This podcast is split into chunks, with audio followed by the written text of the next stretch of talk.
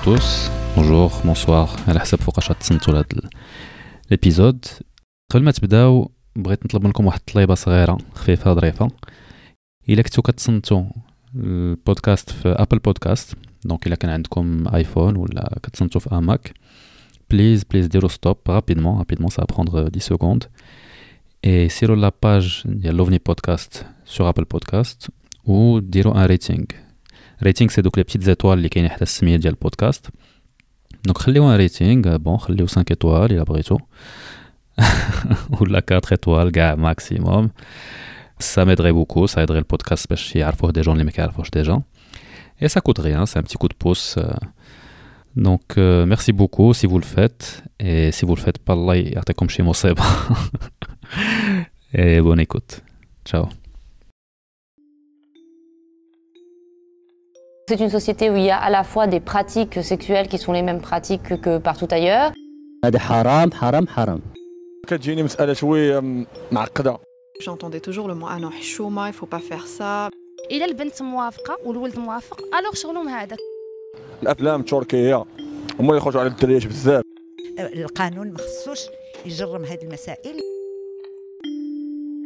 حرام انا بنفسي ما كنقدرش نصبر لا مستاهل Au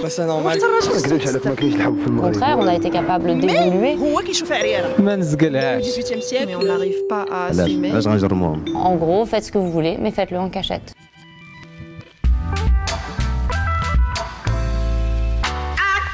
إلا دركم راسكم si vous avez mal à la tête, c'est normal. Parce qu'on va parler d'amour, de relations et de sexualité au Maroc. Et vous allez voir, c'est pas toujours simple. معكم تهامي et vous êtes sur l'OVNI Podcast.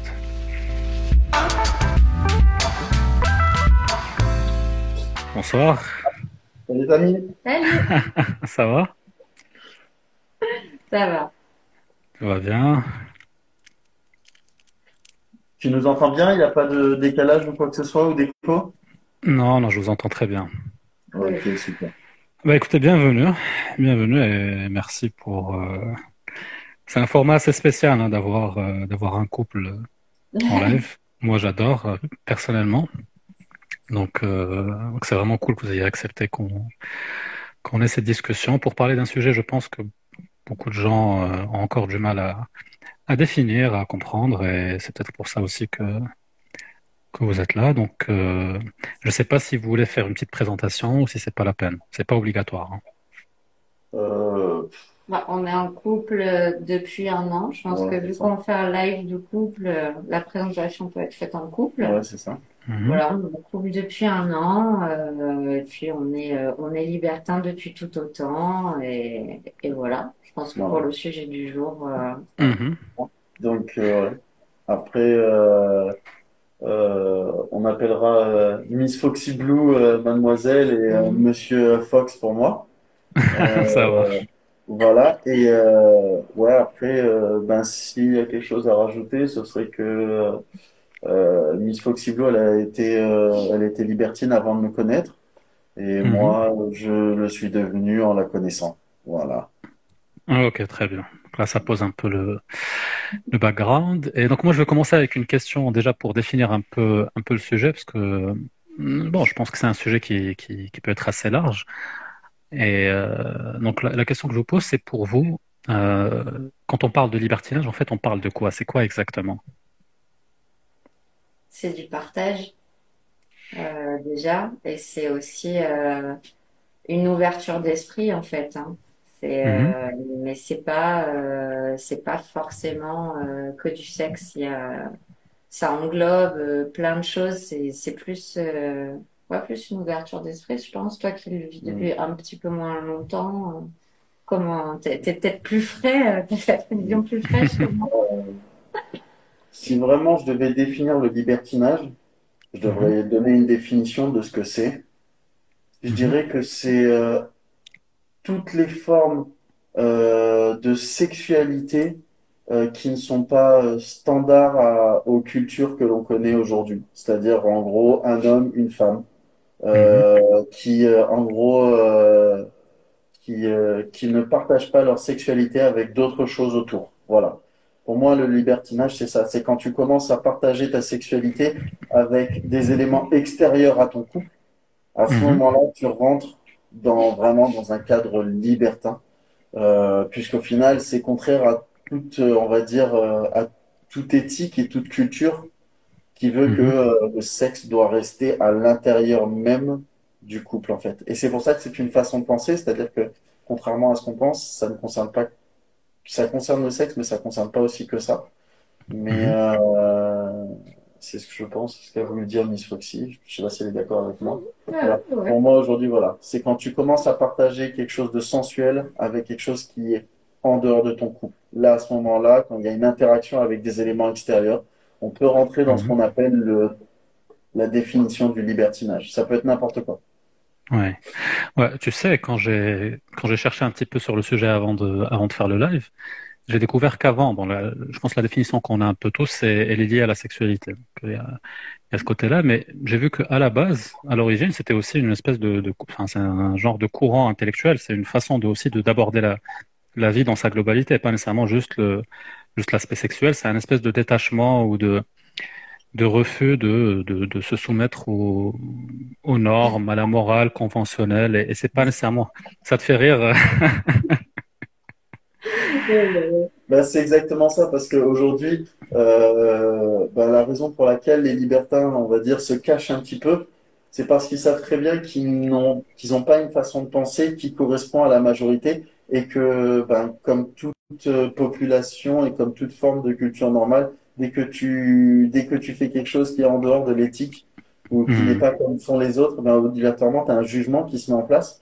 Et aujourd'hui, c'est pour ça que la plupart des libertaires préfèrent rester entre eux et discrets. et- Oui, puis Enfin, faut pas, faut quand même pas se le cacher non plus. C'est des pratiques qui sont quand même très jugées. euh, voilà. Ouais, ben c'est la question que je voulais vous poser euh, juste après. Pardon, je suis désolé de te, te couper. C'est que tu, tu me fais le lien avec la, la question d'après. C'est bon pour être pour être honnête, je pense que si je sais pas si on pense peut-être en dehors de ce genre de live où les gens sont euh, plus ou moins euh, enfin sont plus ouverts d'esprit, ils ont l'habitude d'avoir euh, entendu parler de ou peut-être de connaître des des personnes qui qui sont dans dans ce cercle. Mais si on prend dix personnes au hasard dans la rue et qu'on leur parle de libertinage, je pense que les mots qu'ils vont qu'ils vont utiliser, ça sera peut-être débauche, euh, ça va toujours renvoyer à quelque chose qui est un peu, euh, voilà, une réputation un peu, ouais, peut-être un peu négatif, ou alors si c'est pas nécessairement négatif, c'est euh, voilà, c'est quelque chose d'à part, c'est c'est en marge.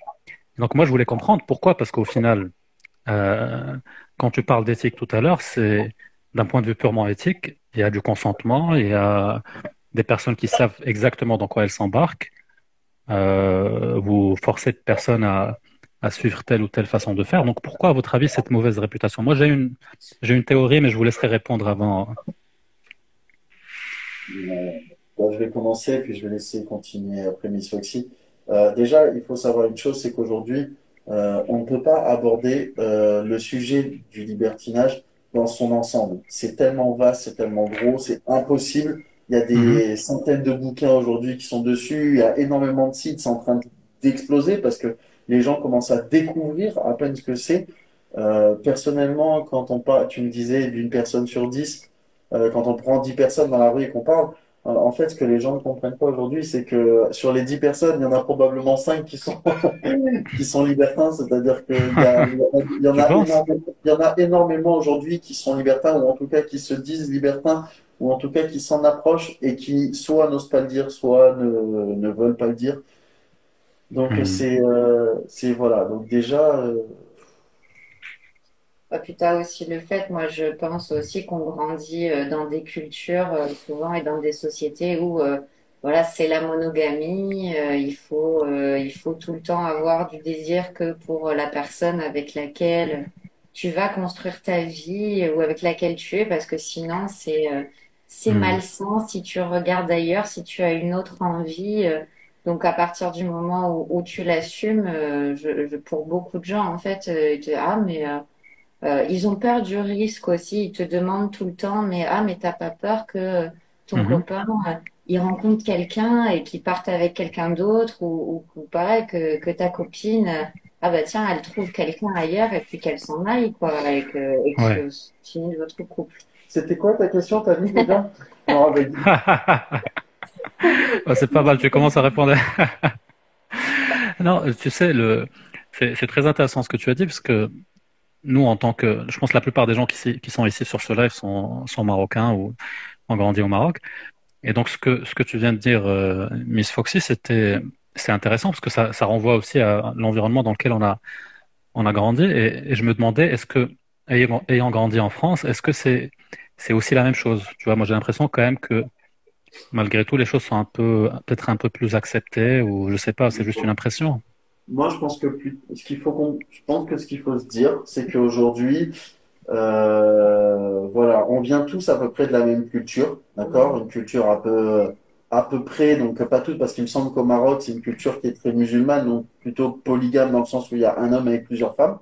Mais euh, en France, ça reste une culture monogame, c'est-à-dire un homme, une femme. Mais quoi qu'il en soit, ça reste au sein euh, de, j'ai envie de dire, de l'entité maison. C'est-à-dire que tout ce qui tourne en l'amour, le sexe, ça reste au sein d'une même euh, entité, euh, d'un, même foyer, on va dire. Voilà, on va dire foyer. Et, euh, et en France, c'est pareil. C'est-à-dire que tout ce qui tourne autour du sexe reste au sein du même foyer.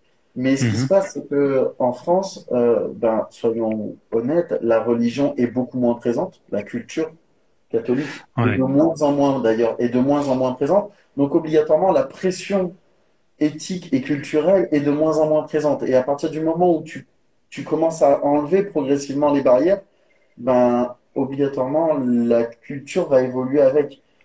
Ok.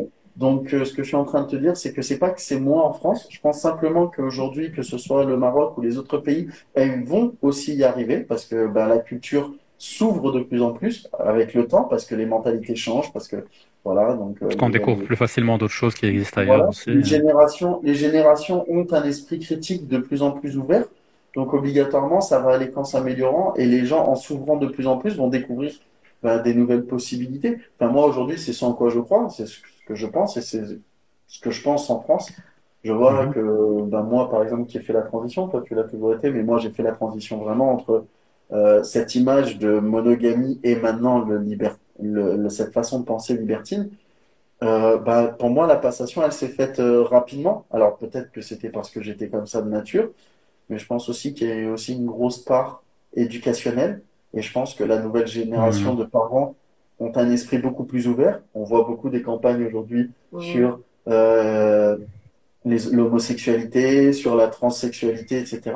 Et on voit des campagnes marketing même sur les abribus. Donc ça veut dire qu'aujourd'hui, il y a quand même une ouverture d'esprit qui est en train de se faire, une nouvelle génération qui découvre ça en tant que parents et qui vont découvrir ça avec leurs enfants. Et donc je pense que progressivement, ça va s'ouvrir. Et, donc du coup, oui, le libertinage euh, en France est en train de s'ouvrir, plus qu'au Maroc pour le moment, mais je pense que c'est plus une question de retard qu'une question de, d'impossibilité culturelle. Mhm. Ouais. Ouais, tu sais, il y a une... enfin, je sais pas si Mix Foxy, tu, tu veux rajouter quelque chose?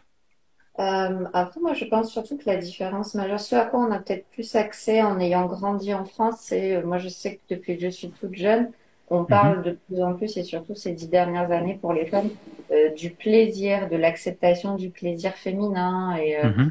Et surtout euh, euh, du, du fait que bah, t'as pas forcément, euh, t'a- t'accèdes pas forcément à toutes les clés de ton plaisir ni de la connaissance de toi au niveau sexuel avec un seul partenaire. Donc Mhm. euh, voilà. Mais, euh, mais après, sur, sinon en soi, c'est vrai que le libertinage reste quand même assez jugé. Comme tu dis que dans un couple libertin, même en France, c'est euh, c'est encore très tabou, quoi. Et tu sais, il y a... pourquoi, pourquoi j'ai posé la question? Parce qu'en en parlant avec, euh, avec notre ami en commun, euh, une chose qu'elle m'a, partagée, bon, qui est peut-être vraie ou peut-être euh, exagérée, mais en tout cas, a- peut-être qu'il y a aussi le fait que les personnes se sentent un peu menacées dans leur, dans le modèle qui existe déjà. C'est-à-dire pour la plupart des, des personnes qui sont monogames, elles n'ont pas nécessairement envie d'accepter que d'autres personnes vivent un modèle différent et qu'elles soient épanouies et qu'elles qu'elles le vivent très très bien. Et peut-être que après on peut aller dans toutes sortes de, de réflexions. Peut-être qu'il y a des personnes qui au fond aim- aimeraient bien tester ce genre de choses, mais c'est pas possible dans le cadre de leur couple. Et donc il y a une espèce de, de jalousie ou de, de rejet de ce genre de modèle. Euh, donc, ouais, c'est c'est intéressant. Moi, je n'ai pas la réponse, mais moi, ça fait des éléments. Moi, je pense plutôt que c'est une question de formatage. C'est-à-dire qu'aujourd'hui, les personnes ont évolué dans un cadre, d'accord Mhm. Donc, euh, avec des valeurs qui leur ont été enseignées, avec des notions, avec euh, ce qu'elles ont vu autour d'elles. Donc, il y a eu une partie éducationnelle, une partie environnementale extérieure, puis une partie aussi un peu croyance intérieure, mais qui a aussi beaucoup été implémentée euh, par euh, ben, l'éducation de nos parents. Je veux dire, aucun enfant aujourd'hui euh, se réveille en se disant je suis croyant. Tu vois ce que je veux te dire? Mhm. Un an, euh, tout être humain a des croyances personnelles par rapport à ce qu'il a vécu dans sa vie, mais aujourd'hui, la plupart de nos croyances sont de celles que l'on nous a enseignées. Et, Ouais. euh, euh, et, euh, et donc, je pense aujourd'hui que, ben, en ce qui concerne euh, notre culture et notre façon de gérer notre vie sentimentale, est aussi fortement influencée par euh, l'éducation que l'on a reçue et l'environnement dans lequel on a évolué. Mhm. Donc après, les réactions que les gens ont par rapport euh, à leur- enfin, la, la réaction que les gens ont lorsqu'ils sont confrontés à un environnement libertin va dépendre surtout des valeurs qu'ils vont avoir eux en eux. Je pense pas Mhm. que ce soit une question de jalousie, euh, de d'envie ou de vengeance ou euh, de. Je pense que ça, ce sont juste des mécanismes de défense qui sont mis en place parce que ce qu'ils entendent en fait va à l'encontre de ce en quoi ils croient en fait, tout simplement Mhm. de, des valeurs ou même de la religion. Donc c'est plutôt, moi je pense que c'est plutôt ça. C'est plutôt comme ça qu'il faut voir. Ça plutôt comme une conséquence, pas comme une cause. Mhm. Ouais. Alors moi j'ai une question pour euh, pour Miss Foxy du coup vu que c'est que c'est la plus la plus ancienne entre guillemets. Euh, moi, moi, j'aimerais savoir comment euh, entre guillemets hein, comment tu t'es un peu comment tu as commencé à t'intéresser à, à- au libertinage, comment tu es un peu tombé dedans? Est-ce que c'est arrivé par hasard? Est-ce que c'est quelque chose de réfléchi? Comment c'est arrivé? Fais-nous un peu Ouais. l'historique du, du truc. Bah, en fait, euh, moi, au plus loin que je me souvienne, même quand j'étais adolescente, euh, de façon euh, très naturelle, euh, j'ai pratiqué l'amour libre, c'est-à-dire à plusieurs. euh, j'ai été en couple avec euh, plusieurs personnes en même temps. Mhm. Euh, le, le fait d'être bisexuelle aussi, je pense que ça aide parce que j'avais pas envie de choisir entre euh, ma sexualité avec les femmes et ma sexualité avec les hommes. Mhm. Donc, bah, c'est vrai que ça, ça pousse toujours. Enfin, au début, quand t'es jeune, quand t'as des petits copains et que tu leur dis, ah, mais tiens, euh, j'aimerais bien un point à trois. Euh, bizarrement, t'en as aucun qui te dit non, quoi. Tu m'étonnes. évidemment, j'ai jamais eu spécialement de T'as jamais eu de refus, non. C'est plutôt dans Ouais, l'autre ouais. sens, hein, mais, mais bon. Ouais, et encore, euh, ouais, ouais, et encore, selon comment tu l'amènes, euh, c'est, euh, ouais, ça peut être super bien pris et, et d'une façon, voilà, toujours dans, dans le partage, etc. Mais euh, ouais, aussi loin que je me souvienne, il y avait toujours, en tout cas, même quand j'étais en couple, euh, ces petits moments un peu plus pimentés euh, Mhm. euh, qui venaient de greffer. Et en fait, euh, et puis, et puis en fait, ça m'a, je, je me suis jamais considérée comme libertine. J'ai jamais collé d'étiquette en fait dessus. Mhm. Jusqu'à il y a quelques années, il y a peut-être trois ans maintenant, jusqu'à Mhm. ce que euh, vraiment je, je revienne vivre en France. Et Mhm. euh, en- avant ça, en fait, j'étais euh, toujours sur des villes euh, très cosmopolites, des grosses capitales. Et c'est vrai que pour faire des rencontres, euh, que ce soit féminines ou masculines, ou les deux en même temps, c'était euh, c'était très simple. Je veux dire, il n'y avait pas besoin de réseau, il n'y avait pas besoin d'Internet. Et, Mhm. Et du coup, il n'y a que depuis que je suis revenue vivre en France que là, euh, là, ça a été euh, un peu plus, les choses étaient plus catégorisées, plus, Mhm. plus dans des cases, entre guillemets. Donc ça t'a euh, forcé ça, à te définir aussi. ouais, voilà. Et ça m'a forcé surtout à, à y réfléchir, en fait, et à ce que je voulais aussi euh, intégrer dans mon couple, à quelle fréquence. Mhm. Et, euh, et aussi, ouais, à poser une étiquette dessus, à m'inscrire sur des réseaux dédiés pour pouvoir aller, euh, euh, aller à des soirées dédiées aussi quand j'en avais envie, quoi. Avant, les choses se faisaient beaucoup plus naturellement. Et tu, peux nous, tu peux nous, nous entraîner un peu dans le, la réflexion que tu as eue quand tu as dit, euh, tu as commencé à réfléchir à ce que tu voulais intégrer dans ton couple, euh, aux choses que tu voulais garder, peut-être euh, d'autres que tu, dont tu voulais te séparer. Qu'est-ce que ça ressemblait à quoi ce questionnement? Bah, déjà, c'était euh, plus un questionnement par rapport à tout ce qui est bisexualité. Est-ce que j'avais envie euh, de construire ma vie avec un homme ou avec une femme? Ça a été, Ah ah. euh, je crois, la première des Question réflexions. importante, ouais. Mhm. Ouais, ouais, ouais. Qu'est-ce que, qu'est-ce que j'avais envie, euh, euh, comment, dans, dans quelle, euh, dans quelle sphère, en fait, je me sentais la plus sécurisée? Mhm. Euh, je pense qu'aujourd'hui, on, on a la réponse à cette question. Mais j'aimerais bien savoir le, le cheminement que. Parce que ce Non, genre de, je réponse, ne je sais les pas. attirerai pas sur ton live. C'est euh, c'est, c'est plus passé par la notion, ouais, de dans quel, dans quel genre de couple, en fait, est-ce que je me sentais euh, le plus sécurisée pour construire une vie? Mhm. Et, euh, et puis, euh, Donc, il a fallu que tu trouves? Et après, après, il faut trouver, ouais, tout à fait, hein, le, le ou la partenaire euh, Bien sûr, ouais. d'intégrer du libertinage aussi. Euh, Faut que ça euh, matche. de- ouais, faut que ça reviens.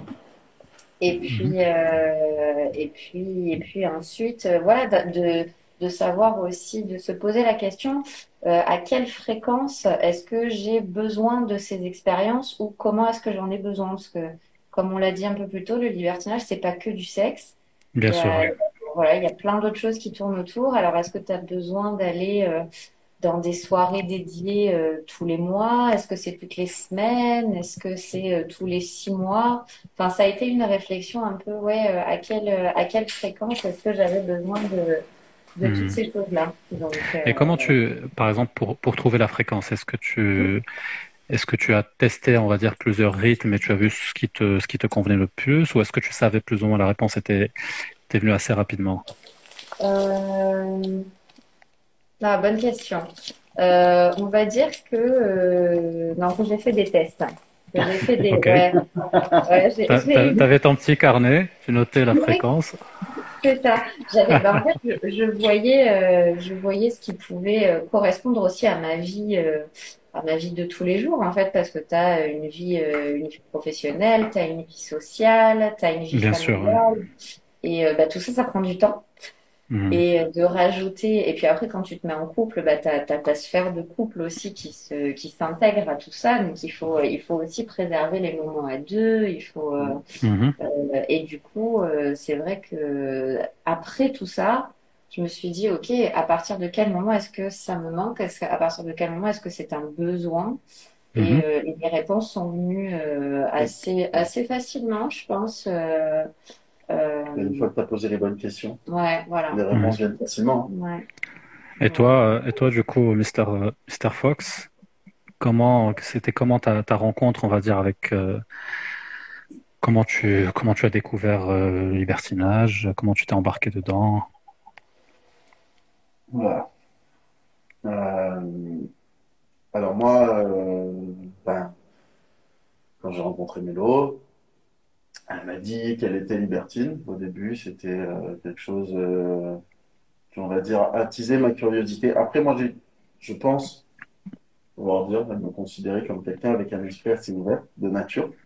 Mhm. Et, euh, Donc tu, tu étais pas, tu étais pas choqué au début ou... Ben, quand moi, quand moi quelqu'un me fait découvrir quelque chose, j'ai plutôt tendance à creuser et euh, je suis quelqu'un de très curieux. Donc euh, plus tu vas, euh, Mhm.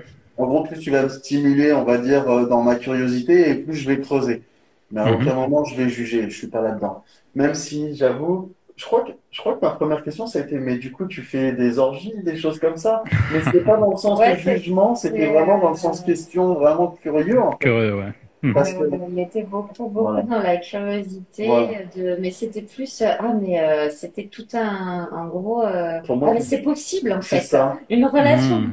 Comme ça, C'est ça. En fait, en fait, elle m'a fait découvrir, je pense, quelque chose qui, au fond de moi, c'est vrai, je me posais peut-être Mm, beaucoup de ouais. questions là-dessus. Et euh, tu vois, euh, par exemple, la dernière fois, on parlait de mon ex-femme, et avec mon ex-femme, je pensais à beaucoup de choses, tu vois, à des, mo- à des moments libertins, en fait, mais sans m'en rendre compte qu'en fait, j'y pensais. Et Mhm. euh, quand Mélo a commencé à me raconter un peu ce- les moments libertins qu'elle vivait, en fait, je me suis dit, ah, mais en fait, ce à quoi je pensais, c'était des Mm, choses qui, Ça, sont ça existe. Ça existe. En fait, c'est pas, en tu fait. vois, on en revient au côté culturel où moi j'ai été éduqué un peu avec ce côté catholique, un homme, une femme. Et dans ma tête, tu vois, je, je me pose des questions. Et en fait, Mélo, elle m'a dit, mais non, hein, Miss Foxy. Et euh, en fait, euh, et en fait, euh, bah, dans ma tête, je me suis dit, ah, mais non, en fait, ça existe en fait, tu vois, ça existe vraiment. Mhm. Donc euh, voilà, moi ça a commencé un peu comme ça, déjà dans un premier temps par une excitation de ma curiosité. Puis ensuite, euh, quand on s'est mis ensemble, euh, là, à ce moment-là, euh, Bah, c'était pour moi, c'était une condition. ouais, elle a été claire avec moi dès le départ. Je dit, Elle m'a dit, si on se met ensemble, par contre, moi, je t'explique, je suis comme ça, j'ai besoin de ça, j'ai besoin de ça, j'ai besoin de ça. J'ai dit, écoute, euh, moi, personnellement, je n'y vois aucun inconvénient. Par contre, voilà, moi, j'ai besoin, je vais avoir besoin, parce que je savais que je pouvais pas tout accepter.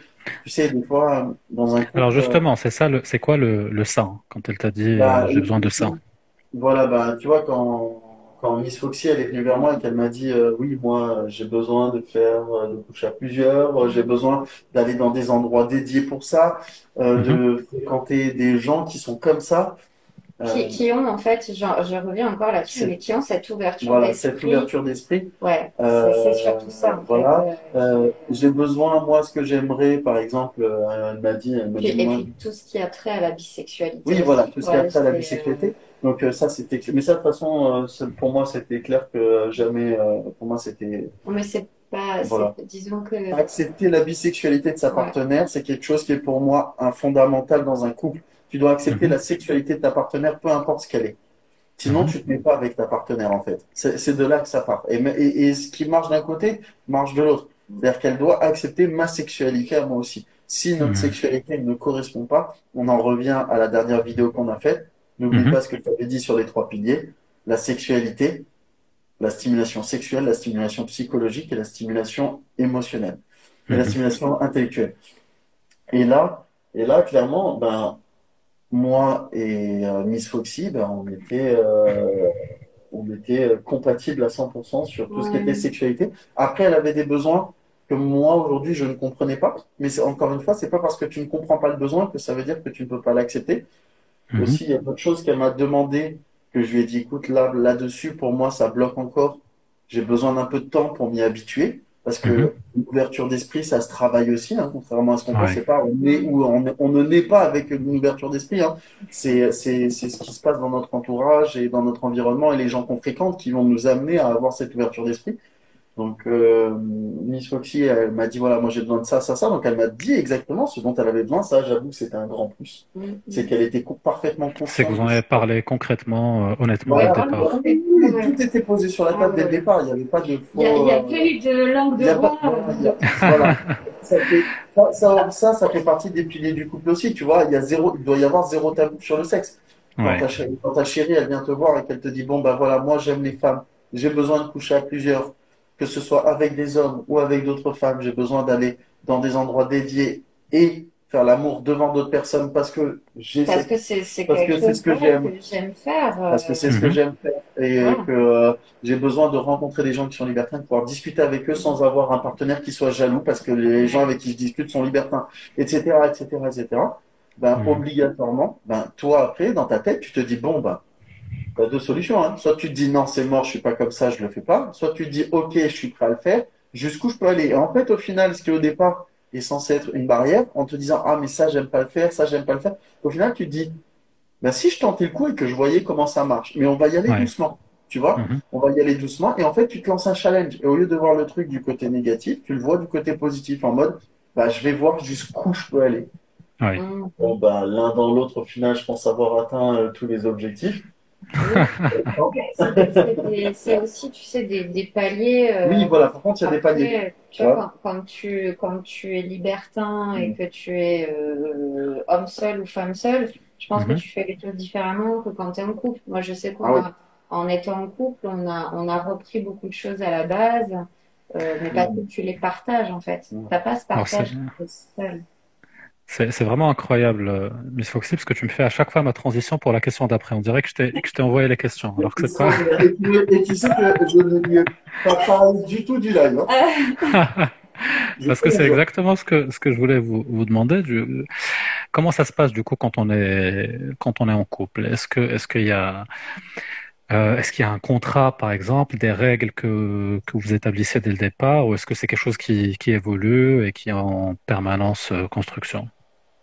Oh, moi, je dirais que c'est quelque chose qui évolue tout le temps. Tu as, tu as des règles de base, bien sûr, C'est quoi, par euh, exemple, les règles de, de base? ah, pas de mensonges, euh, déjà. Euh, toutes les décisions sont prises à deux. Euh. Voilà, Et vous faites la- comment, par exemple, sur la, sur la partie décision? Vous faites comment si si vous n'êtes pas d'accord, on va dire, sur, euh, sur une envie ou sur quelque chose, comment vous vous y prenez pour, pour gérer Alors, le, le désaccord? Alors déjà, déjà, je vais être honnête avec toi, il n'y a pas de désaccord. Dans le sens je te donne, non, mais je vais t'expliquer, je vais t'expliquer comment ça marche parce que je pense qu'il faut, pour que les gens puissent comprendre, il faut donner un exemple. Parce que là, on parle dans le flou depuis tout à l'heure. Voilà, il faut, imagine, il faut être concret, hein. voilà, il faut être concret, comme ça les gens vont comprendre parce qu'après, tu pourras associer ce type d'expérience à n'importe quelle expérience. Imaginons que euh, moi et Miss Foxy, donc euh, ma chérie, nous partions euh, dans un club libertin, d'accord? Mhm. Pour nous amuser au début, juste boire un verre. Mm. On, se- on se dit, bon, si on doit coquiner, on coquine. Si on coquine pas, on coquine pas. On y va vraiment en mode libre, d'accord? On prend aucune décision. On Mhm. y va, on s'assoit à une table, on rencontre un couple, ils nous plaisent. Mm. Eux, ils font ce qu'on appelle de l'échangisme, c'est-à-dire que l'homme de l'un couche avec la femme de l'autre, la femme de l'autre couche avec l'homme de l'un, etc. Mhm. Mais moi, ce soir-là, bah, j'- alors elle, imaginons qu'elle flash sur le couple et qu'elle ait vraiment envie de le faire. Mais Mhm. imaginons que moi, je dis non, c'est pas contre vous, mais aujourd'hui, je le sens pas. Ce J'ai soir, pas je envie.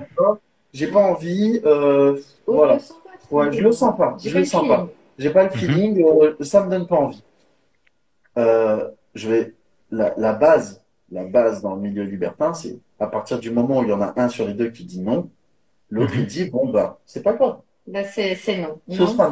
non. Non, c'est non. Non, On c'est non. respecte. euh, On respecte le choix du partenaire, quoi Ouais. qu'il se passe. Après, si elle ressent une forme de frustration, elle est en- Mhm. on a en droit après quand on rentre à la maison, elle pourrait me dire, bon écoute voilà, moi j'ai été très frustré de cette situation, qu'est-ce qui s'est passé, Ouais, pourquoi t'en as pas eu envie? Ouais. Tu sais, des fois sur le moment tu peux pas en discuter. T'as le, t'as le couple en face ou t'as les gens avec qui tu veux coquiner qui sont en face. Tu Bien peux pas sûr. trop parler, où il y a du monde, t'es pas dans la bonne ambiance, etc. Donc voilà. Donc t'attends de rentrer à la maison, tu te poses au calme, le soir ou même le lendemain matin, et tu te poses et tu t'assois. Tu dis, ok, bon écoute, voilà, moi hier t'as dit non, il n'y a pas de souci. Par contre, voilà, moi j'ai été un peu frustré, j'aimerais savoir ce qui s'est passé, j'aimerais savoir si on peut pas trouver une solution pour éviter que cette situation se reproduise, etc., Et etc. finalement, tu as trouvé Voilà. le, le, le fond du problème. Voilà. Qu'est-ce qui t'a vraiment dérangé? Voilà, qu'est-ce qui t'a vraiment Qu'est-ce dérangé? Ça nécessite d'être extrêmement à l'écoute de ses- de son corps, de sa psychologie, de savoir Mhm. qu'est-ce qui a, qu'est-ce qui a bloqué. Des fois, tu peux, tu t'en rends même pas compte sur le début. Il faut juste être à l'écoute au départ en se disant, bon, là, moi, je le sens pas. D'accord? Tu sens une boule au ventre ou la gorge serrée. Tu dis, bon, là, bizarrement, il y a un truc qui va pas. Je préfère ne rien faire pour le moment. Ça, déjà, Mhm. c'est le premier checkpoint, en fait, j'ai envie de dire. Et les, et les checkpoints d'après, c'est quand tu en disant, écoute, là, il s'est passé quelque chose. Qu'est-ce qui s'est passé? Et là, tu as une deuxième, on va dire, euh, réintrospection que tu dois faire en essayant de rentrer dans le détail de toi-même, en disant, OK, bon, là, ça a bloqué. Qu'est-ce qui s'est passé? Est-ce que le mec a regardé ma chérie un peu trop, de manière un peu trop insistante? Du coup, ça m'a mis mal à l'aise? Est-ce que la meuf m'a regardé d'un point de vue un peu Mhm. trop insistant et ça m'a mis mal à l'aise? Est-ce que j'ai trouvé peut-être le mec pas assez beau et j'avais pas envie qu'il touche ma chérie? Mhm. que Après, je pense que sur le moment, tu vois, des fois, Ouais, sur le moment, tu peux pas. Tu peux pas analyser toutes Non, ces choses avec autant de profondeur. Ouais. Mais euh, c'est vrai que, par exemple, avant une soirée ou avant un moment, on se fixe plus ou moins des règles. Tu vois, on va définir un, un petit cadre euh, où on va Mhm. savoir quelles sont les limites vraiment de l'un et de l'autre. Ouais, ça marche jamais. Et, euh, si... et après, euh, tu as aussi... Oh, si, attends, ça, attends. Et, euh, et après, tu as aussi beaucoup de, de contacts visuels Oui. euh, dans le couple, en fait. Ouais. Et par exemple, si lui, il y a quelque chose qui le gêne ou qui le bloque, je vais le voir tout de suite. Si moi, j'ai quelque chose qui me déplaît, il va s'en Mhm. rendre compte tout de suite et, euh, et on, on va bifurquer tranquillement sur Ouais. autre chose. Il faut, il faut jamais, voilà. Faut jamais se braquer, faut jamais, faut jamais se laisser envahir par la frustration et mal réagir. Faut jamais se laisser envahir par des sentiments négatifs. Faut être à l'écoute Mhm. de son corps, ne pas se forcer à faire les choses. Ouais. Très important. Mhm. Ni forcer l'autre, ni se forcer soi. Voilà. C'est, il faut être dans l'acceptation de ses besoins, de ses désirs et de ses, euh, et de ses non-désirs, en fait, hein, j'ai envie de dire même. Donc, euh, ça, c'est la base, en fait. Tout part de là. Si tu, si tu ne fais pas ça, obligatoirement, tu vas au-devant de conflits, en fait. Et il faut à tout prix éviter les conflits. Donc, pour ça, il faut savoir être diplomatique. C'est pour ça, d'ailleurs, que je trouve que le milieu libertin est génial parce que ce sont souvent des gens très intelligents qui sont souvent à l'écoute d'eux-mêmes. Ils savent ce qu'ils ressentent, ils savent comment le communiquer, ils savent comment parler, ils savent en général faire preuve de gentillesse, c'est-à-dire que euh, imaginons bah, que la situation soit inversée, c'est-à-dire que nous deux on est très envie d'un couple et que finalement l'autre couple ne veuille pas. Et ben il, les gens en général dans ce milieu-là savent comment parler, ils savent comment dire écoutez, non, je suis désolé, finalement ça ne nous intéresse pas. Et ça nécessite ben, d'apprendre aussi à ne pas se vexer, comprendre Mhm. que ben, bon, ben, ça n'a pas matché, ben, c'est pas grave. Voilà, faut pas se Oui, de laisser son ego de, de côté un petit peu aussi. Oui, oui, oui, oui, oui, c'est un milieu où il faut surtout pas d'ego. À partir du moment où tu as l'ego qui rentre là-dedans, tu peux être certain que c'est explosion nucléaire de suite, quoi. C'est, c'est jamais bon. Bah, après, Mhm. sinon, pour finir de répondre à, à la deuxième partie de ta, de ta question, après, c'est vrai qu'on a beau se fixer des règles, certaines sont évolutives. Tu vois, il y a des choses qu'on fait aujourd'hui et qui, au tout début de, Ouais. de notre libertinage, n'étaient pas d'actualité. Donc, t'évolues sur certaines choses. Il y a d'autres choses, par contre, ouais, qui restent, euh, qui restent en place. Et ça, euh, on n'y déroge pas parce qu'on on a décidé que c'était des choses trop, trop importantes pour notre couple pour aller au-delà. Donc il y a, y a des piliers, euh, il y a Ouais. des piliers dans le couple et ensuite il y a des choses qui sont ouvertes à. Et Oui. tu sais, moi je suis curieux de, de savoir quand quand tu évolues, quand vous évoluez à deux sur sur une question, que- en général c'est quoi le l'élément qui déclenche ça? Est-ce que c'est une situation comme ce que vous venez de de raconter ou est-ce que vous faites des je sais pas, hein, je dis n'importe quoi, des points réguliers de temps en temps pour faire un peu le bilan ou la situation du Oui, du couple oui, et savoir comment vous vous sentez dans le dans le couple? Discuter de cul, c'est la base. Al- Alors, on, fait, on fait très, très régulièrement le point, ouais, en disant euh, bah, quelles sont tes envies du moment, euh, quels sont euh, tes fantasmes, euh, est-ce que, voilà, est-ce que ça a évolué? C'est vrai que ça permet de, bah, d'a- d'apprendre, de, de définir, de cibler peut-être un petit peu mieux aussi euh, Ouais. l'autre et ton couple, Mhm. en fait, où il en est. Et puis, euh, ouais, ouais, non, on fait, on fait quand même des points réguliers. Et après, ça, des fois, quand on vit une situation, euh, bah, on se rend compte qu'il y a euh, des petits points en fait qui, pour- qui nous dérangent moins qu'avant, en tout cas. Euh, tu vois, par exemple, au, au tout début, quand on a commencé à libertiner tous les deux, on avait une grande règle, c'est que moi, j'embrassais pas d'hommes et Mhm. monsieur n'embrassait pas de femmes.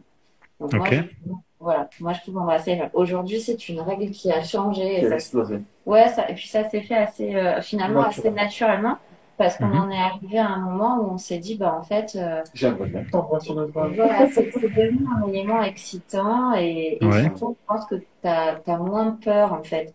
Tu vis. tu Ouais, est-ce que c'est une question de, de confiance et de stabilité dans ton couple et avec ton partenaire? C'est ça, complètement.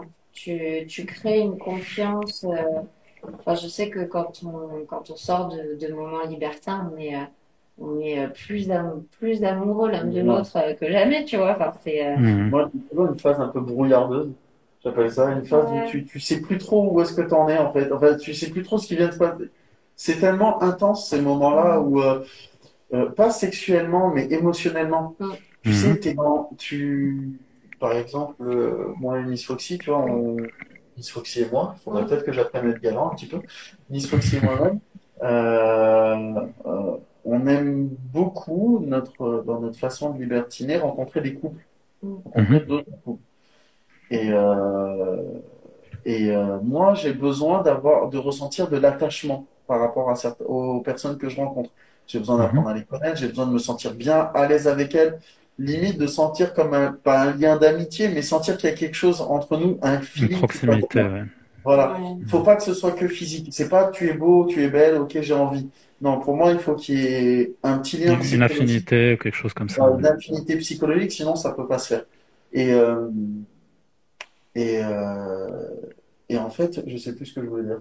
Et en fait, euh, et en fait euh, ce que je voulais te dire, c'est que si, si dans notre façon de faire, au début, on met en place certains points, après, pendant l'acte, ça monte tellement, enfin, faut être honnête, ça monte tellement d'un point de vue émotionnel que quand tu sors de là, sur le moment, tu as l'impression d'avoir vécu un rêve, en fait. Donc, quand tu sors et que ça se coupe, parce que c'est vrai, à un moment, ça s'arrête, Tu reviens à la vie bah, tu reviens un peu à la vie normale. Et là, dans ta tête, tu te prends un peu un contre-coup en mode, euh, putain, j'ai vraiment de faire ça.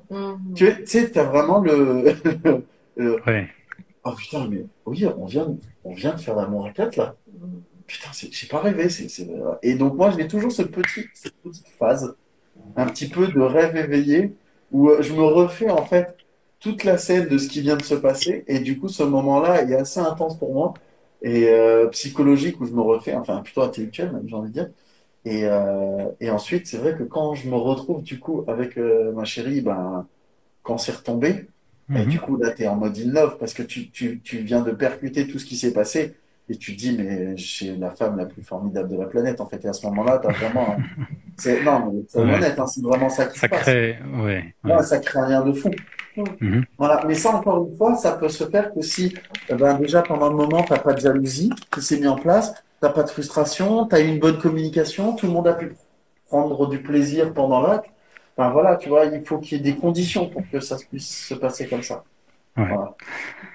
Et là, c'est toi, du coup, qui m'a qui m'a donné une très bonne transition parce que la question que tout le monde se pose quand on parle de, alors que ce soit quand on parle de libertinage ou quand on parle de couple libre ou tout- toutes les formes un peu un peu alternatives de de, de couple, c'est la question de la jalousie. C'est comment euh, tu gères ça? Est-ce que vous est-ce que vous êtes des gens pas jaloux finalement? Vous ressentez pas de jalousie et puis ça ça vous convient bien? Ou est-ce que vous avez appris, vous avez trouvé des moyens pour euh, pour la, la gérer ou pour en parler. Et Comment, c'est quoi la place de la jalousie chez vous dans, dans votre couple? Ah, grande question. Euh, bah, Je te laisse répondre en premier. Ouais, ouais, euh, personnellement, je pense que je suis une femme moyennement jalouse. C'est- C'est-à-dire que ça, ça me gêne pas. euh, enfin, il y, a- plein de situations qui vont pas me gêner. Après, on en revient, tu vois, aux limites qu'on se fixait du couple. Moi, une de mes limites de couple, c'est euh, pas de mensonge, quoi. C'est euh, donc euh, je, me sens plus attaquée euh, face face à un mensonge. et, et je le et je serais à la limite plus jalouse de ça, tu vois. Je vais, je vais avoir tendance à, à le laisser faire un petit peu, à laisser les choses évoluer. Par contre, c'est Mhm. vrai que si euh, si je sens un danger, euh, quelque chose qui va, qui va menacer en fait ma vie de couple euh, de tous les jours, euh, ben, je vais y mettre un frein et ça va être immédiat. Donc, je me considère pas comme quelqu'un de jaloux, mais euh, je fais attention quand même. Et Ah ouais. après, sinon, quand on est sur des moments libertins, est-ce que je me sens, est-ce que je suis jalouse de le voir avec une autre femme? Non. Ah non, parce que c'est un, c'est un moment qu'on a décidé ensemble. C'est un moment qu'on va partager ensemble. Et, Mhm. euh, et on va repartir tous les deux euh, dans notre couple euh, en- encore plus unis qu'avant en fait. Donc non, je j'ai pas de jalousie à le voir physiquement avec avec une autre femme. Non. Et en dehors du, on va dire, du contexte sexuel, est-ce que, est-ce qu'il y a d'autres situations, d'autres cas de figure où tu peux, où tu as déjà été jalouse? Ah oui, dans mes anciens couples. Non, non, euh, dans ton, dans ton couple actuel, oui. Euh, oui, ah oui, oui, oui, hors, euh, hors contexte sexuel, oui, bien sûr. Il y a d'autres il y a d'autres moments où j'ai ressenti de la jalousie. euh, oui, bien sûr. Ouais, Ouais. J'aimerais juste dire un petit truc. En Mhm. fait, ce qu'il faut que les gens comprennent, c'est que euh, il y a des il y a des moments dans un couple. Il y a des moments, il y a des il y a des euh, il y a des compartiments dans un couple. C'est-à-dire que les gens, la jalousie euh, dont les gens parlent, ils associent cette jalousie-là parce que euh, les, les couples non libertins vivent une sexualité qui reste, euh, comme je te l'ai dit, uniquement à l'intérieur du foyer. Donc, Mhm. obligatoirement, pour eux, euh, quand ils vont voir, euh, par exemple, leur partenaire regarder euh, Mm. euh, quelqu'un d'autre dans la rue, ils vont se sentir menacés et ils vont se sentir, euh, et, et c'est à ce moment-là que la jalousie va se révéler. Euh, en fait, la jalousie, c'est, c'est, c'est une- comme je te l'ai dit là, euh, tout à l'heure, c'est une conséquence en fait. C'est une conséquence d'une peur profonde qui est de perdre son partenaire. Mhm. Donc, en fait, cette jalousie, que ce soit dans un couple libertin ou dans un couple non libertin, elle va toujours avoir lieu à partir du Mhm. moment où il y a cette peur de perdre le partenaire. À partir du moment où il n'y a pas de peur de perdre le partenaire, il n'y a pas de jalousie. En fait, ce qui est en train de vous dire Miss Foxy, c'est que euh, le- si je me mets à avoir un comportement qui insinue que je pourrais la quitter, elle va être jalouse. Par contre, à partir du, com- du moment où Mhm. mon comportement sera un comportement qui la rassure, il n'y Mhm. aura pas de jalousie. Donc si, dans un moment libertin, on se regarde en permanence pendant que je suis en train de coucher avec une autre femme, et que je la, même si je regarde d'autres femmes de temps en temps, je suis là pour elle, je la regarde, je l'embrasse, je lui dis à quel point je l'aime, etc. Et que j'ai un comportement qui est rassurant, au final, on prendra chacun notre plaisir. Par contre, par contre, si je me balade dans la rue, que je regarde une autre meuf et que je me mets à aller la draguer, alors qu'elle est à côté de moi, mais elle va péter un plomb, elle va vriller Ouais. dans sa tête. Bien Parce sûr, que- c'est ça, en fait, c'est là où je voulais en venir, c'est que c'est pas parce que vous êtes, euh, vous êtes ouvert à rencontrer d'autres personnes que le, ce genre de comportement passe. Parce que parfois, je pense que, et puis moi aussi, quand, enfin, avant de comprendre un petit peu comment ça se passe, on a un peu cette idée, c'est que, oui, bah, vous êtes un couple euh, libertin, bah, c'est pas si grave que ça si monsieur commence à draguer des, des inconnus dans la rue. Et c'est pas tout à fait ça, quoi. On en revient, on en revient au consentement. Si elle, elle arrive et que on est dans un délire tous les deux et qu'elle me dit, tiens, je te mets au défi d'aller draguer cette meuf parce que ça l'excite. Mhm. Et là, je le fais, il n'y aura pas de jalousie. Ouais. Par contre, je vais draguer cette meuf sans lui en parler avant. Et en plus de ça, elle n'est pas d'accord avec le fait que j'aille la draguer, mais j'y vais quand même. Mhm. Ou encore pire, je le fais dans son dos. Mais là, par contre, on n'est plus face à un consentement. Et c'est là qu'est le souci. Et ce, et, ce, et ce geste, en fait, est aussi grave que si tu vas coucher ailleurs, en fait, au final. Parce que tu viens trahir, en fait, la confiance de ton partenaire. Et c'est à partir du moment où tu trahis sa confiance qu'il y a une forme de jalousie qui se met en place. Parce qu'il va y avoir encore une fois cette peur de perdre ton partenaire. Ou de vivre un sentiment de trahison, ce qui est encore pire. Mhm. Voilà, c'est pour ça qu'en fait, euh, il faut comprendre que les éléments sont séparés. Il faut pas prendre. Euh, c'est euh, c'est chaque situation est différente, mais les, les thèmes importants qui sont abordés, c'est un le consentement, deux la communication. Mhm. À partir Et en parlant de, de communication, est-ce que, si je peux vous poser la question, est-ce que vous, vous êtes, parce que franchement, quand je, c'est pas la première fois hein, que j'ai cette impression-là, mais quand je parle à des personnes, soit qui sont en couple, en couple libre, ou qui sont libertines, ou qui font un peu, un peu un mix des deux, moi, ce qui me frappe vraiment à chaque fois, c'est que c'est des gens qui, qui en tout cas disent qu'ils communiquent, ils communiquent beaucoup, et ils communiquent très bien.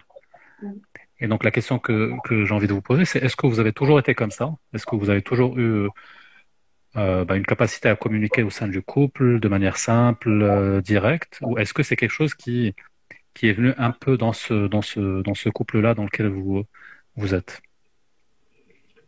Euh... Alors, bon.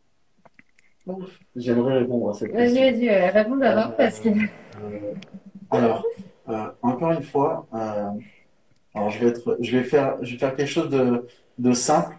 Mhm. Euh, la communication, c'est quelque chose d'extrêmement complexe.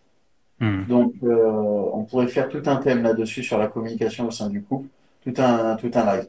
Mais pour faire simple, euh, quand il s'agit de, de libertinage, Mhm. euh, bizarrement, moi et Miss Foxy, on a toujours une communication qui était fluide. Oui. Après, au sein du couple, il faut comprendre que tous les couples vivent les mêmes problèmes, qu'ils soient libertins ou pas.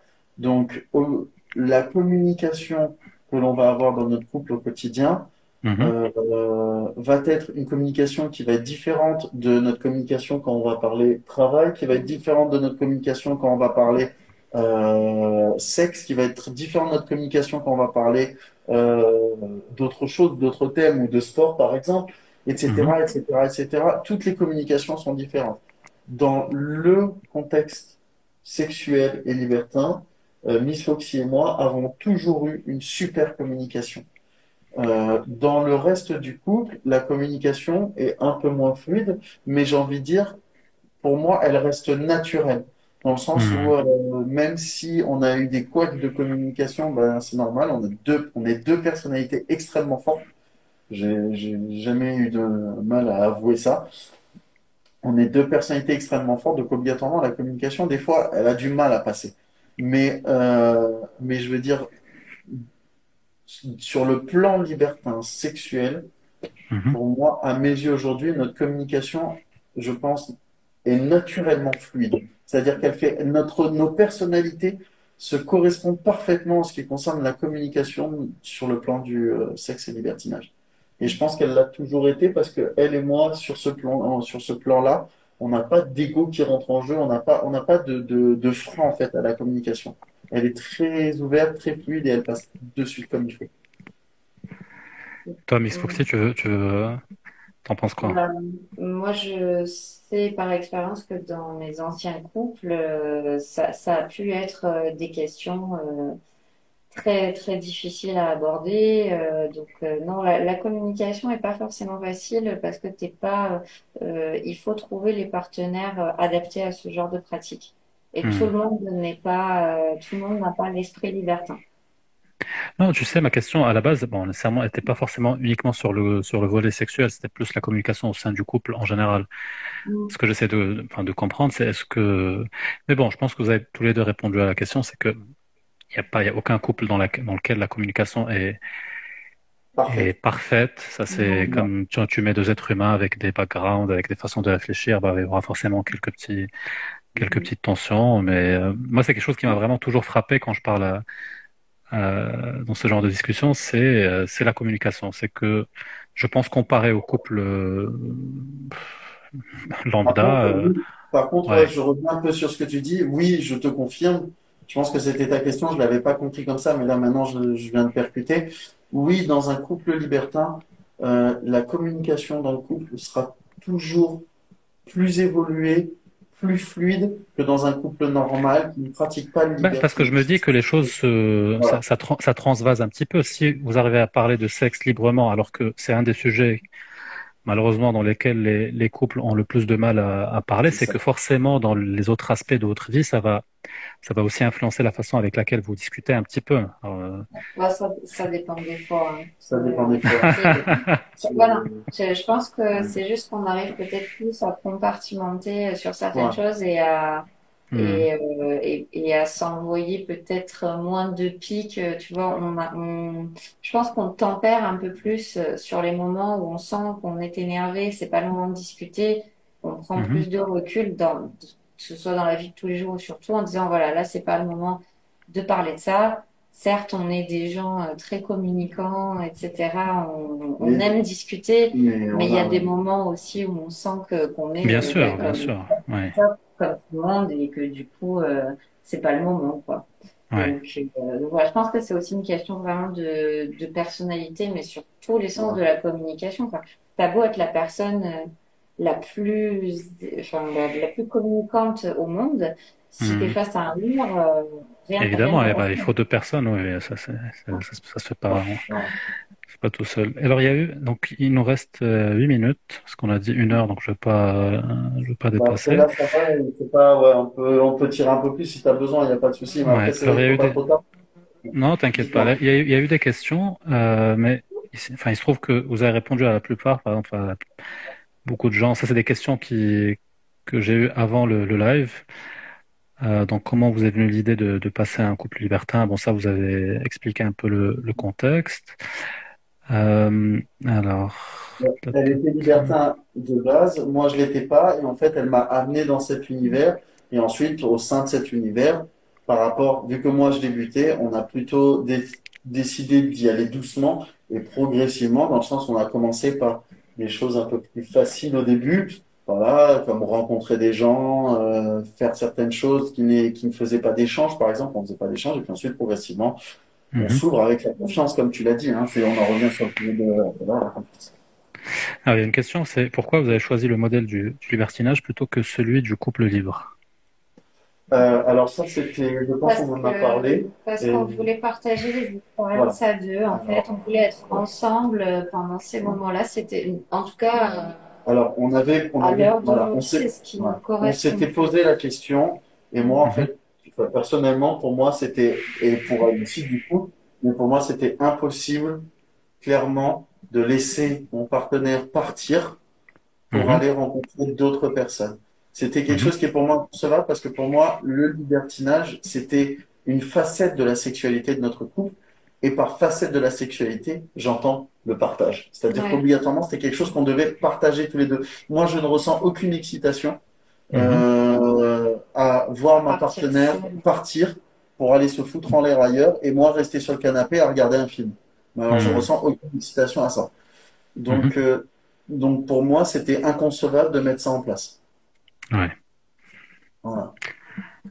Alors, une dernière question, ça c'est plus général, mais j'aime beaucoup la question. C'est euh, pour, pour, pour vous, ça veut dire quoi le, c'est quoi le non-conformisme pour vous? Et euh, après la deuxième partie de la question, je l'ai pas comprise. Do you guys actually enjoy unconditional? Bon, on, va dire juste la, la première partie de la réponse. La question c'est qu'est-ce que c'est quoi le l'anticonformisme ou le non-conformisme pour vous? Euh, c'est... Alors, Rapidement, parce qu'il nous reste cinq minutes avant que ça coupe. Pour moi, c'est, enfin, vraiment euh, sortir un peu du moule, en fait, être anti. Après, j'estime pas qu'on soit anticonformiste. C'est simple. Le- L'anticonformisme, c'est quand, t'en- c'est quand tu dis quelque chose et que les gens te regardent avec des yeux comme ça. Voilà, c'est que tu es anticonformiste. Tout simplement. En gros, c'est à partir du moment où tu fais quelque chose qui n'est pas admis dans la moule, en communauté, Je pense. en général, voilà. Si en gros, si, si tu as peur de mettre, si t'as peur de dire ce que tu fais euh, à la télé, à visage découvert, c'est que tu es anticonformiste. Voilà, à partir du moment où tu portes un max dans un live, c'est Ça va, t'es pas, t'es pas encore à la télé, ça, ça va, ça. Il y a peu, il y a, il y a peu de monde. Bah, écoutez, c'était vraiment un, un grand plaisir. J'espère que c'était agréable pour vous aussi. Ouais. Euh, Merci et pour que, l'invitation. ouais. Après, t'as mis, il y avait un dernier point que je voulais qu'on aborde euh, dans alors, le tu sais live. quoi, ce que, ce que je vais faire, parce que malheureusement, ça va couper après, ça coupe après une heure, donc ça risque de te couper. Donc, ce que je vais faire, c'est que je vais arrêter ce live et je le, j'en relance un juste après. Comme ça, on a le temps. Comme ça, on n'est pas coupé trois minutes après. OK? Ok, super, top. Ça marche à tout de suite. Allô? Ouais, je suis là. On est là. Alors, tu es tout, tu es tout seul maintenant? Non, non, non, non, t'inquiète pas, elle n'a pas disparu. Ok, alors tu, tu me disais, il y avait un point que tu voulais aborder. Ouais, le dernier point euh, que je voulais aborder, c'était euh, Mhm. L'importance en fait d'avoir un comportement qui est juste et équitable au sein du couple dans le, dans le concept du libertinage. Mhm. Parce qu'aujourd'hui, euh, ce que j'ai beaucoup vu, et euh, bon, je sais que Miss Roxy, elle sera pas totalement d'accord avec moi sur ce point-là, mais pour moi, aujourd'hui, c'est un point qui est essentiel au sein d'un couple et qui devrait être mis, euh, qui devrait être mis en avant dans les, dans les couples libertins. C'est le fait de rendre les choses équitables. Dans le sens où, Mhm. si tu, si tu cherches, si tu attends de ta partenaire qu'elle accepte certaines pratiques, Mhm. tu dois être aussi capable d'accepter la pratique, mais dans, en inversé. Je m'explique. Euh, On a parlé tout à l'heure de, du fait d'embrasser. Ouais. Du fait d'embrasser hors couple, ce qu'on appelle. C'est-à-dire que, en gros, elle peut embrasser l'autre homme dans le couple et moi, je peux embrasser euh, l'autre femme. Ben, Mhm. j'ai été capable d'accepter ça parce que justement moi-même, je me sentais capable d'accepter qu'elle embrasse un autre homme. C'est-à-dire que je n'aurais jamais, je n'aurais jamais pu euh, accepter d'embrasser une autre femme Mhm. si euh, j'avais pas accepté d'abord qu'elle embrasse un autre homme. Je n'aurais Ouais. jamais pu moi-même coucher avec une autre femme si j'avais pas été dans ma tête dans l'acceptation qu'elle pouvait coucher avec un autre homme. C'est pour moi extrêmement important, c'est ce qui fait pour moi aujourd'hui je pense la, la solidité de mon de mon couple. C'est que euh, je peux aujourd'hui pratiquer certaines formes d'actes libertins parce que j'accepte qu'elle les pratique aussi. Tu Mhm. comprends ou pas? Alors ça, c'est, un sujet, enfin, c'est un point euh, compliqué parce que je pense qu'il y a beaucoup de gens qui seraient pas forcément d'accord avec toi dans le sens où euh, on n'est pas nécessairement obligé d'appliquer ce que, ce qu'on aime. Dans le sens où, par exemple, si tu peux être avec, euh, tu peux être avec quelqu'un, euh, je sais pas, tu peux être avec une fille, par exemple, si je prends, si je me mets un peu en situation, tu peux être avec une fille qui, qui a envie de- d'avoir des plans à trois, mais avec, avec une autre fille. D'accord? Donc toi, tu peux tout à fait accepter ça parce que ça te plaît, parce que tu trouves ça, tu prends du plaisir à ça. Mais ça veut pas, pour moi, ça veut pas nécessairement dire que tu dois aussi accepter automatiquement la situation inverse, c'est-à-dire de faire un plan à trois avec un autre mec. Ça, pour moi, c'est une autre discussion. C'est-à-dire, est-ce que tu en as envie? Est-ce que c'est quelque chose qui te, qui te donne du plaisir? Donc, je vois ce que tu veux dire, mais je suis pas nécessairement d'accord sur le, le fait que ça soit toujours euh, Attends, automatique. D'accord, mais attends, je, je crois, alors, je me suis mal exprimé. Je suis pas en train de te dire que les actes doivent se faire. Je te dis Mhm. simplement que si ton partenaire en a aussi envie, tu dois être Mhm. capable d'accepter et de ne pas refuser. C'est ça que je suis en train de te dire. C'est-à-dire que tu, tu prends l'exemple, par exemple, du plan A3, qui est un exemple assez concret que les gens arrivent bien à, à visualiser. Euh, Mhm. ok. Moi, aujourd'hui, Miss Foxy, elle vient me voir, elle me dit, j'aimerais faire un plan à trois avec une fille. Ben, si aujourd'hui, je n'accepte pas dans ma tête qu'elle euh, qu'elle puisse coucher avec un autre mec, euh, ben, il est hors de question que je couche avec une autre fille. Tu vois ce que je veux dire? Parce que pour moi, c'est comme ça que je raisonne. Maintenant, faisons Mhm. situation inverse. C'est-à-dire qu'elle vient me voir et elle me dit, je voudrais coucher avec une, euh, une autre fille. Je lui dis, OK. Elle revient me voir deux semaines après, elle me dit, j'aimerais coucher avec un autre mec. Ben, techniquement parlant, j'ai Mhm. pas le droit de dire non. Puisqu'elle m'a autorisé à coucher avec l'autre fille. Donc pourquoi je l'interdirais de coucher avec un autre mec? À un moment, il faut être équitable. C'est ça que je suis en train de te dire. C'est-à-dire qu'en effet, Mhm. peut-être qu'elle aura jamais envie de coucher avec un autre mec. Dans ce cas-là, la question se pose pas. Mais si elle a Mhm. envie de coucher avec un autre mec, dans la mesure où moi, j'ai accepté de coucher avec une autre fille, bah, ça veut dire que je dois avoir quand même l'esprit assez ouvert pour l'autoriser à coucher avec un autre mec. Parce qu'elle, elle a été quand même assez gentille pour m'autoriser à coucher avec une fille, donc je me dois quand même d'être aussi gentil avec elle. Il faut être équitable. C'est ça que je suis en train de te dire. C'est que si les besoins se Mhm. font dans les deux sens, il faut être équitable. Et c'est ça pour moi aujourd'hui qui fait la solidité d'un couple libertin par rapport à un couple libertin qui, à mes yeux, qui, je pense, à mes yeux, ne tiendra pas à long terme. Parce qu'à un moment ou à un Mhm. autre, un si un déséquilibre se crée, il va y avoir de la frustration. Et euh, après, Mhm. j'ai pas envie de faire le Yoda, mais euh, voilà, l'amour qui amène à la peur, qui amène à la colère. Euh, ben, la frustration, en fait, à un moment, ça va amener à une forme de d'ego, en fait, et ça va bloquer le truc. Après, ça reste mon avis personnel. Maintenant, Bien sûr, bien parler- sûr. Voilà, je vais laisser parler Mélo, qui a- et je vais laisser parler euh, Miss Foxy, qui va avoir un avis euh, différent. Mais euh, voilà. Euh, oui, moi, j'estime pas forcément que tu dois, euh, voilà, c'est pas un acte, euh, un acte de fait hein, et un acte qui doit être rendu. Après, là où je le rejoins quand même, c'est euh, oui, si, euh, il- mais c'est toujours pas, on en revient à l'ouverture d'esprit. Si moi j'exprime à, à un moment donné un fantasme ou un besoin, euh, je, je pense que je le vivrais assez mal de prendre un, un refus net. euh, ah Ouais. non, ça, ça c'est pas possible, quoi. C'est, c'est clair que. Voilà, mais je pense que c'est toujours pareil, c'est des discussions. Tout le monde, tout le monde est différent, tous les couples sont différents et il y a autant de façons sûr. de, de libertiner que ce qu'il y a de couple, en fait. Donc, euh, ce qui Mhm. convient aux uns conviendra pas forcément aux autres. euh, voilà, ça dépend des gens. Et tu sais, peut-être que, peut-être que la réponse à ça, c'est ce que tu as, tu as dit tout à l'heure, c'est d'essayer au départ de, de discuter librement de ce genre de choses. Alors évidemment, on peut pas discuter de tous les scénarios possibles qui, enfin, qui peuvent se, se produire parce qu'on prévoit pas tout. hein. Mais peut-être que c'est utile de, bah, d'aborder ces sujets-là euh, au départ et de, de voir un peu la réaction de la personne avant d'être complètement engagé dans une relation et stable. Parce que si pour toi, le fait, je sais pas, hein, de, d'avoir des expériences de groupe, bah, c'est vraiment quelque chose dont tu as, tu as envie, bah, tu as envie de savoir ça rapidement et d'en discuter rapidement avant que de t'attacher à la personne et de t'engager dans un, dans un truc. Mm, mm, mm.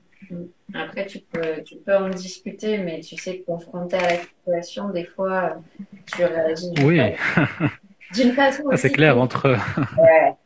Entre ce que entre tu, la théorie et la pratique, ouais, ouais. entre la théorie, puis entre ce que tu fantasmes et ce que tu vis vraiment, des fois, il y a un, un monde euh, euh, complètement différent. Donc, euh, c'est euh, le tout. Bien sûr, euh, ouais. on revient toujours à la communication. Il faut pouvoir communiquer, il faut, euh, voilà, il faut Ouais, avoir- déjà par rapport au- à la plupart des couples, je pense, hein, la plupart des couples qui se forment, parce que c'est pour ça que j'ai posé la question au départ, c'est c'est pas évident, c'est toujours un peu délicat d'aborder la, la question du sexe au début, parce qu'on se Mhm. dit bon, ça vient de commencer, c'est toujours un peu frais. Je pense pour une certaine partie de Hum, certaines personnes, ils ont aucun mal à, à en discuter assez rapidement, mais mais au début déjà, on n'arrive pas vraiment à définir le couple. On sait pas ce qu'on est, c'est on est encore en train de se voilà, de se connaître, de se draguer un petit peu. Et donc, je pense que la plupart des gens euh, ont du mal à aborder ça euh, déjà au départ, et puis de parler concrètement de situations concrètes, de, d'envie, et de, d'essayer de savoir un peu ce que, ce que l'autre personne, voilà, est-ce que ça pourrait correspondre à ce qu'on, à ce qu'on cherche ou, ou pas. Donc déjà par rapport à, je pense à la plupart des couples, le fait d'en parler comme tu le fais, enfin comme vous le faites tous les deux, c'est déjà, c'est déjà un grand pas, quoi. C'est beaucoup mieux que que la plupart des gens, je pense. Non, c'est sûr. Après, c'est, je pense aussi, c'est le fait euh, de, de, d'assumer euh, ses désirs et, euh, et de pas se laisser, tu sais, entraîner un peu, entre guillemets, dans une relation, tu sais pas trop où t'en es, etc. Je pense que très vite, il faut, euh, il faut savoir dire. euh, en plus, tu sais, au plus Hmm. on avance dans l'âge, au plus tu avances dans l'âge, au plus tu sais ce que tu veux, tu sais ce que tu veux plus. Et il Bien sûr, ouais. fois, euh, même, euh, alors pas brutalement, mais, euh, mais dès le départ, poser, voilà, avoir une, une vraie discussion de fond et, et, et poser ses bases, en fait. Et voir, en Hmm. euh, euh, ce que te répond la personne, quoi. Si elle est, euh, si elle est très franche, elle te dira oui, elle te dira non. Si elle sait Mhm. pas trop qu'elle a envie d'explorer, tu te dis qu'il peut peut-être y avoir euh, des opportunités à créer. Mais euh, Mhm. t'as, t'as aussi des gens qui te disent, ou tu le vois à la réaction, qui te disent non, bah, ça c'est, c'est, c'est Dès le complètement, départ, ouais. ah ça, c'est pas possible, quoi. Et, Ouais. et à ce moment-là, toi-même être assez fort et te dire, bon, bah, clairement, cette personne ne me correspondra pas. Donc, c'est Mhm. à moi de, même si elle est très gentille ou tout ce Même tu si sur le moment euh, ça se passe bien, euh, mais tu sais que c'est une bombe à, à retardement sur. euh, Voilà, ouais, ouais. Et ça, c'est, c'est vraiment très important, quoi. Donc, euh, hmm. il faut, il faut être ferme aussi, euh, des fois, je pense, avec soi-même, euh, et avoir le, le courage et l'honnêteté de se dire, bah, moi, je, je suis, je vis différemment. Mhm. Et d'ailleurs, en parlant de ça, est-ce que vous parlez de votre couple de manière assez, assez ouverte à votre, à votre entourage? Alors, peut-être pas les, les amis, enfin, quoique, les amis proches ou les collègues. Euh, que- quels sont les niveaux, on va dire, d'ouverture et de, et de choses que vous pouvez partager avec, euh, avec les gens que vous côtoyez dans la vie de tous les jours? Ça dépend des personnes qu'on a en face, hein, tout simplement. Euh, Il y en a, euh, euh, dès le début, tu, qui vont te dire, mais même, enfin, ils se trahissent en fait entre guillemets même parce que oui, non, moi, les gens qui font euh, euh, du, du sexe de groupe ou des trucs comme ça, c'est complètement aberrant. Bon, ben, ok. euh, Donc, toi, tu lui dis, OK, bon, super. on peut parler des croquettes du chat, hein, parce que ça ne viendra jamais sur le tapis. Et c'est Ouais. pas grave. Mais Mhm. et après, tu as d'autres personnes que tu sens un peu plus ouvertes ou des fois tu partages, des fois tu partages pas. Mais après, c'est vrai que maintenant, d'expérience, Mhm. moi, je, je- tu connais jamais vraiment les gens.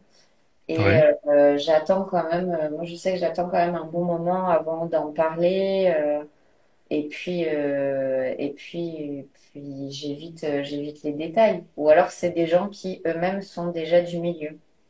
Hmm. Et dans ce cas-là, tu crées des amitiés aussi euh, dans, dans le, dans le milieu libertin avec des gens euh, voilà, qui pratiquent eux-mêmes et avec lesquels tu sais que tu peux avoir des discussions autour de ça ou Ouais. Parler librement. Mais euh, sinon, c'est vrai que c'est euh, c'est un peu un terrain miné euh, sur lequel C'est plus, ouais, c'est plus safe, on va dire, Ouais. de, de procéder comme ça. ouais. Ouais, ouais. Bah, on en revient au, au non-conformisme, en Ouais. fait, hein, tout simplement. hein. Tu sais, tu sais, tu sais que tu n'es pas dans la normalité, dans le, la, la conformité de ce qu'attendent les gens. Donc, euh, avant d'aborder un sujet aussi, en plus, c'est vrai, un sujet Intime. intime qui est le, ta sexualité, ben voilà, euh, c'est pas une forme de coming out, mais c'est vrai que quand tu annonces à, à ton entourage, ou en tout cas aux gens en qui tu as Mhm. confiance, que tu es libertin et que tu pratiques certaines, tu pratiques euh, ta sexualité d'une certaine manière, ben c'est c'est une forme de coming out en fait, hein. Donc Mhm. obligatoirement, tu quand tu l'annonces, en général, c'est que tu t'attends à ce que les gens en face comprennent. Donc Ouais. euh, comme tu sais que ça rentre pas dans les mœurs, ben du coup, ben en général, tu le fais que quand tu es sûr, quoi, tu vois. C'est- Non, mais c'est sûr, pas- c'est. voilà, prends pas le risque de générer euh, soit un malaise, soit, euh, ou même, j'ai envie de dire, de l'agressivité. des Ou gens un conflit euh, ouais, qui, qui n'est pas nécessaire. ouais. Voilà, il y a des gens qui peuvent être complètement contre cette idée-là, et, et voilà, donc, euh, donc, euh, donc euh, voilà, donc, euh, puis qui en viennent aussi à plus te, à plus te parler. Oui. euh, complètement. Hmm. à cause Bien de sûr. Euh, voilà.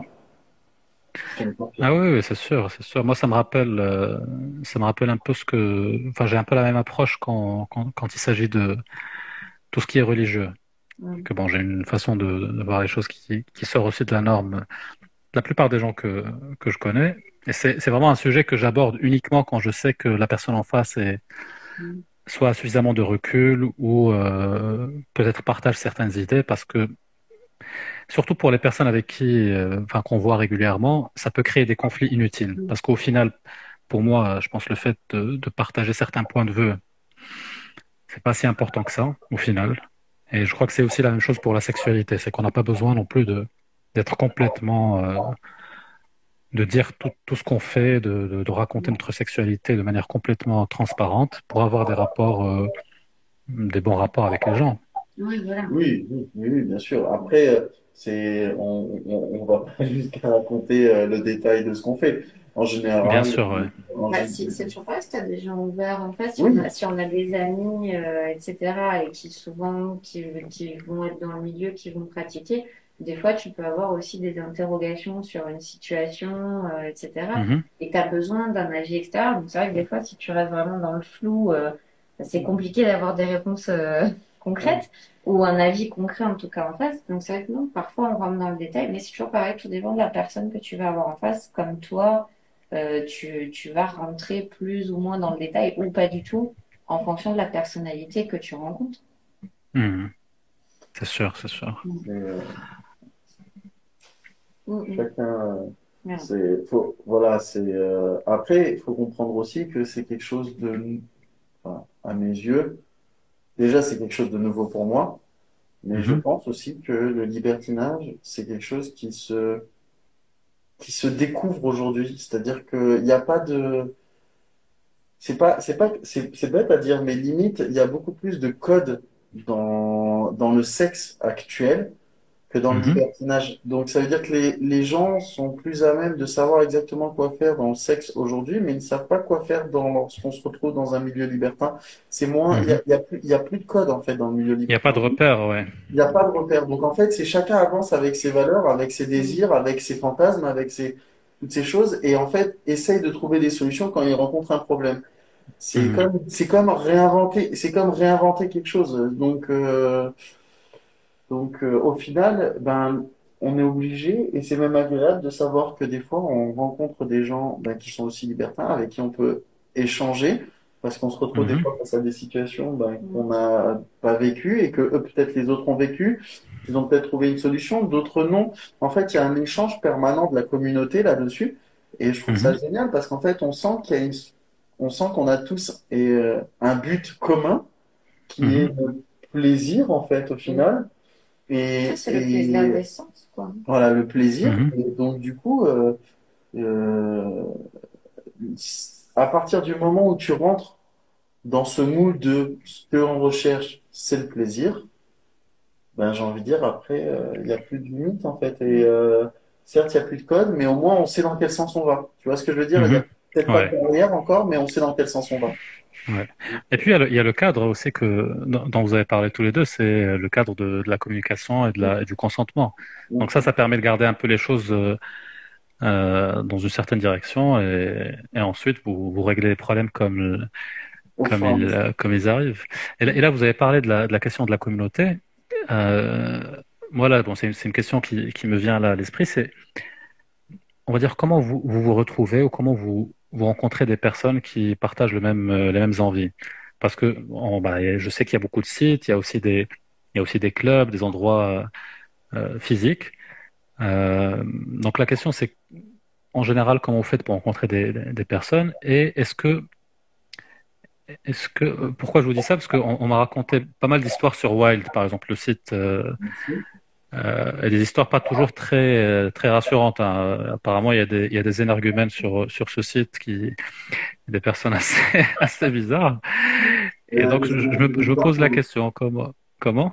Il y a des énergumènes partout, hein. Tu vas sur Tinder, c'est pareil, tu vas sur. Ouais, c'est sûr. Il y aura toujours des personnes qui seront non conformistes à un point tellement extrême qu'elles qu'elles créeront du malaise en fait partout où elles iront. Oui, oui, mais là c'était alors évidemment il y a, il y a, il y a des il y a des il y a des gens chelous sur sur Tinder et partout dans la vie en général, hein, mais et peut-être on est toujours on est on est aussi le, le la personne chelou de, de quelqu'un d'autre, donc c'est pas c'est pas un jugement de, de valeur que je, que je suis en train de faire, hein, mais euh, non non on m'a montré vraiment des des enfin des screens des, des messages qui étaient très très violents et très rentre de enfin très agressifs, très sexuels. Euh, alors ça arrive très bien aussi sur Tinder de se retrouver avec une image de d'une de, bite inconnue euh, qui sort de nulle part. Mais donc je me demande, est-ce que donc finalement c'est les mêmes challenges qu'on soit dans une communauté libertine ou pas quand, quand il s'agit de rencontrer de nouvelles personnes? Bah, nous, c'est vrai qu'on va plutôt privilégier les rencontres physiques en allant dans des endroits dédiés, en allant au club. Mhm. Euh, après, euh, sincèrement, tu te fais un petit peu ton réseau, euh, je veux dire, tu te fais tes contacts, etc. c'est comme tout. Et après, bah là, de toute façon, depuis, bah, depuis un an, maintenant, tous les clubs sont fermés. Donc, mhm. c'est vrai qu'on passe plus par des réseaux, ouais, par des réseaux. Des personnes que vous connaissez déjà. Mhm. Ça dépend, parce qu'on aime aussi la nouveauté. Donc, oui. Ouais, ça va être des fois, après, tu sais, euh, on va te recommander des gens, etc. Mhm. On va euh, te donner un numéro de téléphone, etc. Ou c'est des gens, ouais, que tu, que tu connais pas et avec mhm. lesquels, bah, tu discutes un petit peu. Euh, quand tu as l'occasion, bah, tu vas boire un café ou tu vas faire une promenade ou tu vas boire un verre ou des choses comme ça. Et mhm. après, et après, tu te rencontres, bah, s'il y a plus, s'il y a affinité, en fait. Bien sûr. Donc tout ce qui est plateforme sur euh, tout ce qui est site et compagnie, euh, vous n'êtes pas trop là-dessus. plus rarement. On va dire que voilà, les sites ont leur avantage, c'est que bah, tu mhm. peux, soyons honnêtes, tu peux brasser plus de monde. Mm. plus de. Voilà. Mhm. Euh, après, personnellement, ça n'a pas été notre notre moyen de rencontre préféré. Pour la simple et mhm. bonne raison, c'est que bah, déjà, c'est très impersonnel. En plus, euh, voilà, comme elle a dit Mélo, euh, euh comme elle a dit Miss Foxy, c'est euh, c'est très très très compliqué. ben, imagine, tu rencontres un couple sur mhm. sur sur Wild, tu leur envoies des messages, tu leur dis bonjour, voilà, on, on vous mhm. apprécie bien.